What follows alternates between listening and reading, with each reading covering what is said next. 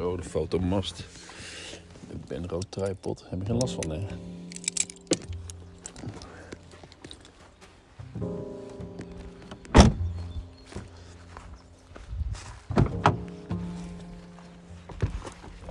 Ja. Helemaal, zoals ik al zei, helemaal niemand in het bos. Hé, hey, nu zie ik een fietsen.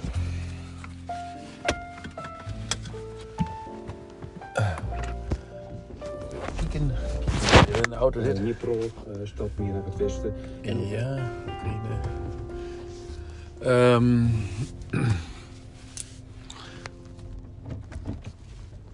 ja, er was dus helemaal niemand in het bos, behalve de vrijwilligers van de hockey. Die eh plichtsgetrouw, altijd. Nou, meestal op eh, vrijdag gaan ze, gaan ze het weekend voorbereiden. Alles schoonmaken, blad vrijmaken, zand eh, mooi eh, leggen. Kunstgras op zand hè, met hockey. Maar nu was het dus ook na, de, na het paastoernooi. Dingetjes opruimen en weer netjes maken, denk ik. Dus het vaste clubje, altijd met de, met de moeder van Barber. Van Leeuw. Nee, niet van Leeuwen. Dat is, dat is eh, Daan. nee, Daan Frank van Leeuwen. De moeder.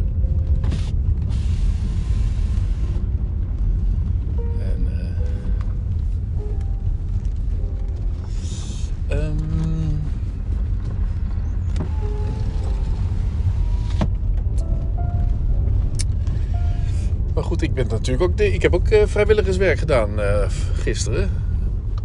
Met mijn drone de lucht in en is toch zeker twee uur op het hockeyveld geweest om te fotograferen en beelden te maken. En dat. er waren nogal wel wat beelden. Een aantal dronefoto's. En ik heb met de A74 geschoten. En de drone zat in dat tasje. En om mijn schouders of, of om mijn hals had ik dan de Leica. Leica, daar maakte ik dan de groepsfoto's mee. Teamfoto's, zoveel mogelijk. Zoveel mogelijk teams erop krijgen. Maar dat deed ze via Instagram ook met hun eigen mobieltjes. Dus dat was ook niet echt... eh, Er lag geen hoge druk op me. En dat vind ik altijd het lekkerst. Maar vrijwilligerswerk maakt gelukkig. Weet ik nog uit een, uit een openingsspeech op de nieuwjaarsreceptie. Door eh, voorzitter Jacob Boelens. Die zei eh, dat eh, vrijwilligerswerk maakt gelukkig. Dingen die je vrijwillig doet voor anderen. En dat is inderdaad waar. En gisteren heb ik dat ook. Monique is gisteren ook met haar vrijwilligerswerk. Maar zo, zo... op een gegeven moment wordt het, ook niet meer vrij... wordt het ook niet meer als vrijwilligerswerk gezien, maar meer als. Ik ga even, op, eh, ik ga even langs bij meneer Kolthof. Meneer Kolthof ehm, is een man van 94 die nog voor zichzelf zorgt. Maar wel. oh, dat wou ik ook iets mensen. Die kijken toch niet heel erg vrolijk. Dat is, dat is, dat, eh, dat is natuurlijk gewoon logisch. maar, eh, maar goed, Eh, meneer Kolthoff die woont eh, aan de Graanweg. Daar gaat Monique eh, nog wel eens langs. Van voor een praatje. En die is dan zo blij dat Monique langskomt. Die, die is sowieso zo blij met bezoek. Hij is niet zielig hoor trouwens. Hij, hè, wat ik al hij zorgt nog voor zichzelf. Op zijn 94ste. 94. Dan kun je ook hier zitten. Bij dagelijks leven. Dus hij is nog wel bevoorrecht eigenlijk dat hij, eh, dat geestelijk zo goed is. Maar Monique kon het eigenlijk ook niet aanzien. Monique is eh, op de eerste paasdag even langs geweest om gewoon even met eh, Boris om even bij te kletsen. En ja, of die dag ervoor of die zaterdag, dat kan ook. Ja, dat geloof ik, ja, ja die zaterdag. En dus op tweede paasdag ook nog even een keer, maar eigenlijk om eh, het bloemetje wat ze gekocht had voor hem te geven voor Pasen. En dus toen zei ze eigenlijk van ja, ik ben eigenlijk, ik loop eigenlijk nu met, met Joep door naar de ijssalon. En, eh, en, en ze hoorde later dat hij een rolstoel had. Dus ze had hem zo mee kunnen nemen, de rolstoel, daar baalde ze enorm van. Goed, dan is er nog even bij Koltoff gebleven en Joep eh, heeft daar de, heeft daar de, wat is niet eh, voor, de, het geduld niet voor. Dus die moet dan weer weg. Die is weer naar huis gegaan. En Monique heeft vervolgens, eh, want ze zouden samen boodschappen gaan doen. Eh, maar goed, toen had meneer Kolthoff nog aangegeven... Ah, blijf nou even alsjeblieft, want ik voel me zo eenzaam. Nou, dat is toch wel... eh, zijn dochter en zoon waren niet langs geweest. En Monique zei ook van, joh, hoe, is het dan, hoe zal het dan later bij ons zijn? Zou ze dan ook niet meer langskomen als ik alleen mezelf nog kan redden op mijn 94ste? In een appartementje ergens. Hoe zou dat dan zijn? Zou ik dat ook zo erg vinden? Of zou dat ook zo zijn bij mij? Ja, dat kan hè. Je weet niet hoe het is. Want hij heeft geen slechte verhouding met zijn, met zijn kinderen. Dus eh, ja, ja, je kunt je toch heel eenzaam voelen als, als er geen bezoek is geweest met Pasen. Nou, toen was, dus heel, hij dus heel erg blij dat Monique langskwam. En eh 94 jaar, dan ben je in 1928 geboren. Was je dus 14, nee, was je dus 12 toen de oorlog begon.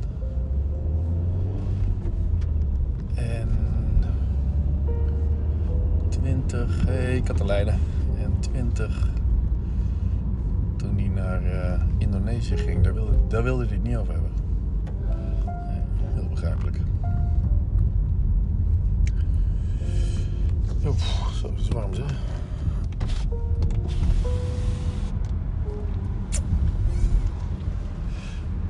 Hé, hey, dat doet me denken aan het dingetje eh, Theo Wind. Theo Wind is 1927 geboren, 1928. Die was nu dus 95 geweest. Moet ik even nakijken hoe oud hij zou zijn geweest. Misschien wel 101 of dat hij uit 1921 kwam of zo. Ja, dat zal wel. Hij was 72 toen ik met hem rondreed en dat was een 93. Dus ja, dan ben je 93. Oh ja, dan,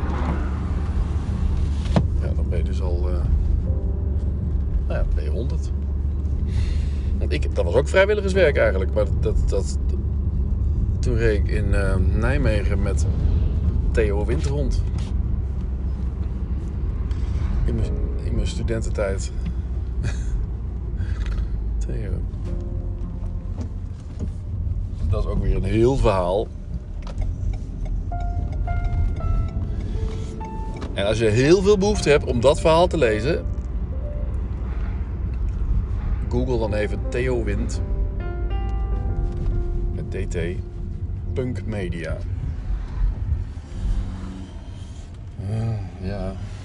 Daar moet ik niet te veel over beginnen, want dan. eh, dan word ik emo. Over emo gesproken. Nee, niet over emo gesproken. Ik zie daar nu iemand rijden. Die doet me weer denken aan Hanno. Hanno van der Meulen. Hanno van der Meulen heeft weer het nieuws gehaald. In de Berkelbode. De fotograaf, de, de libelle-fotograaf wordt hij genoemd. Maar dit keer met zijn overlijden. Hij is overleden. Hij is 72 geworden. Hanno van der Meulen, die altijd op zijn fiets zat. Die, niks, die had geen auto volgens mij. Die alles met zijn fiets deed. Met zijn camera's mee. En die heeft heel veel van mij gekocht op een gegeven moment tijdens een... eh, tijdens zo'n zo'n garage sale dag voor het huis. Toen had ik heel wat dingen staan, die wilde hij allemaal hebben. En heel veel CF-kaartjes en zo, wilde hij ook hebben. Want hij had ook eh, nog zo'n Canon. Waar die CF-kaartjes in konden, ja, die had ik allemaal niet meer. Dus dan moet die kaartjes een beetje overbodig. Twee politieauto's. Gemeentehuis. Maar Hanno is dus in één keer overleden. Hij had geen kinderen, geen vrouw. Was een natuurliefhebber. Er een heel groot artikel over hem in de, in de brug. Terecht. Joep die vond hem een beetje vervelend. Want hij was de hele tijd, eh, bleef, bleef zo lang eh, op kantoor. Of ik nog dit had, of ik nog dat had. En of ik dan dit, dit en dit en dit. Want dat vond hij ook mooi. En... Nou ja,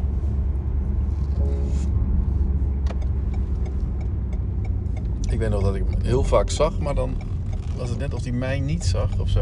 Of, of dat hij dacht van. Of dat hij dacht dat ik hem niet wilde zien of zo. Iets, eh, Dat denk je soms, hè? Heel vaak s'avonds. En s'nachts, de- mijn laatste rondje, en dan zag ik hem over de tramstraat rijden.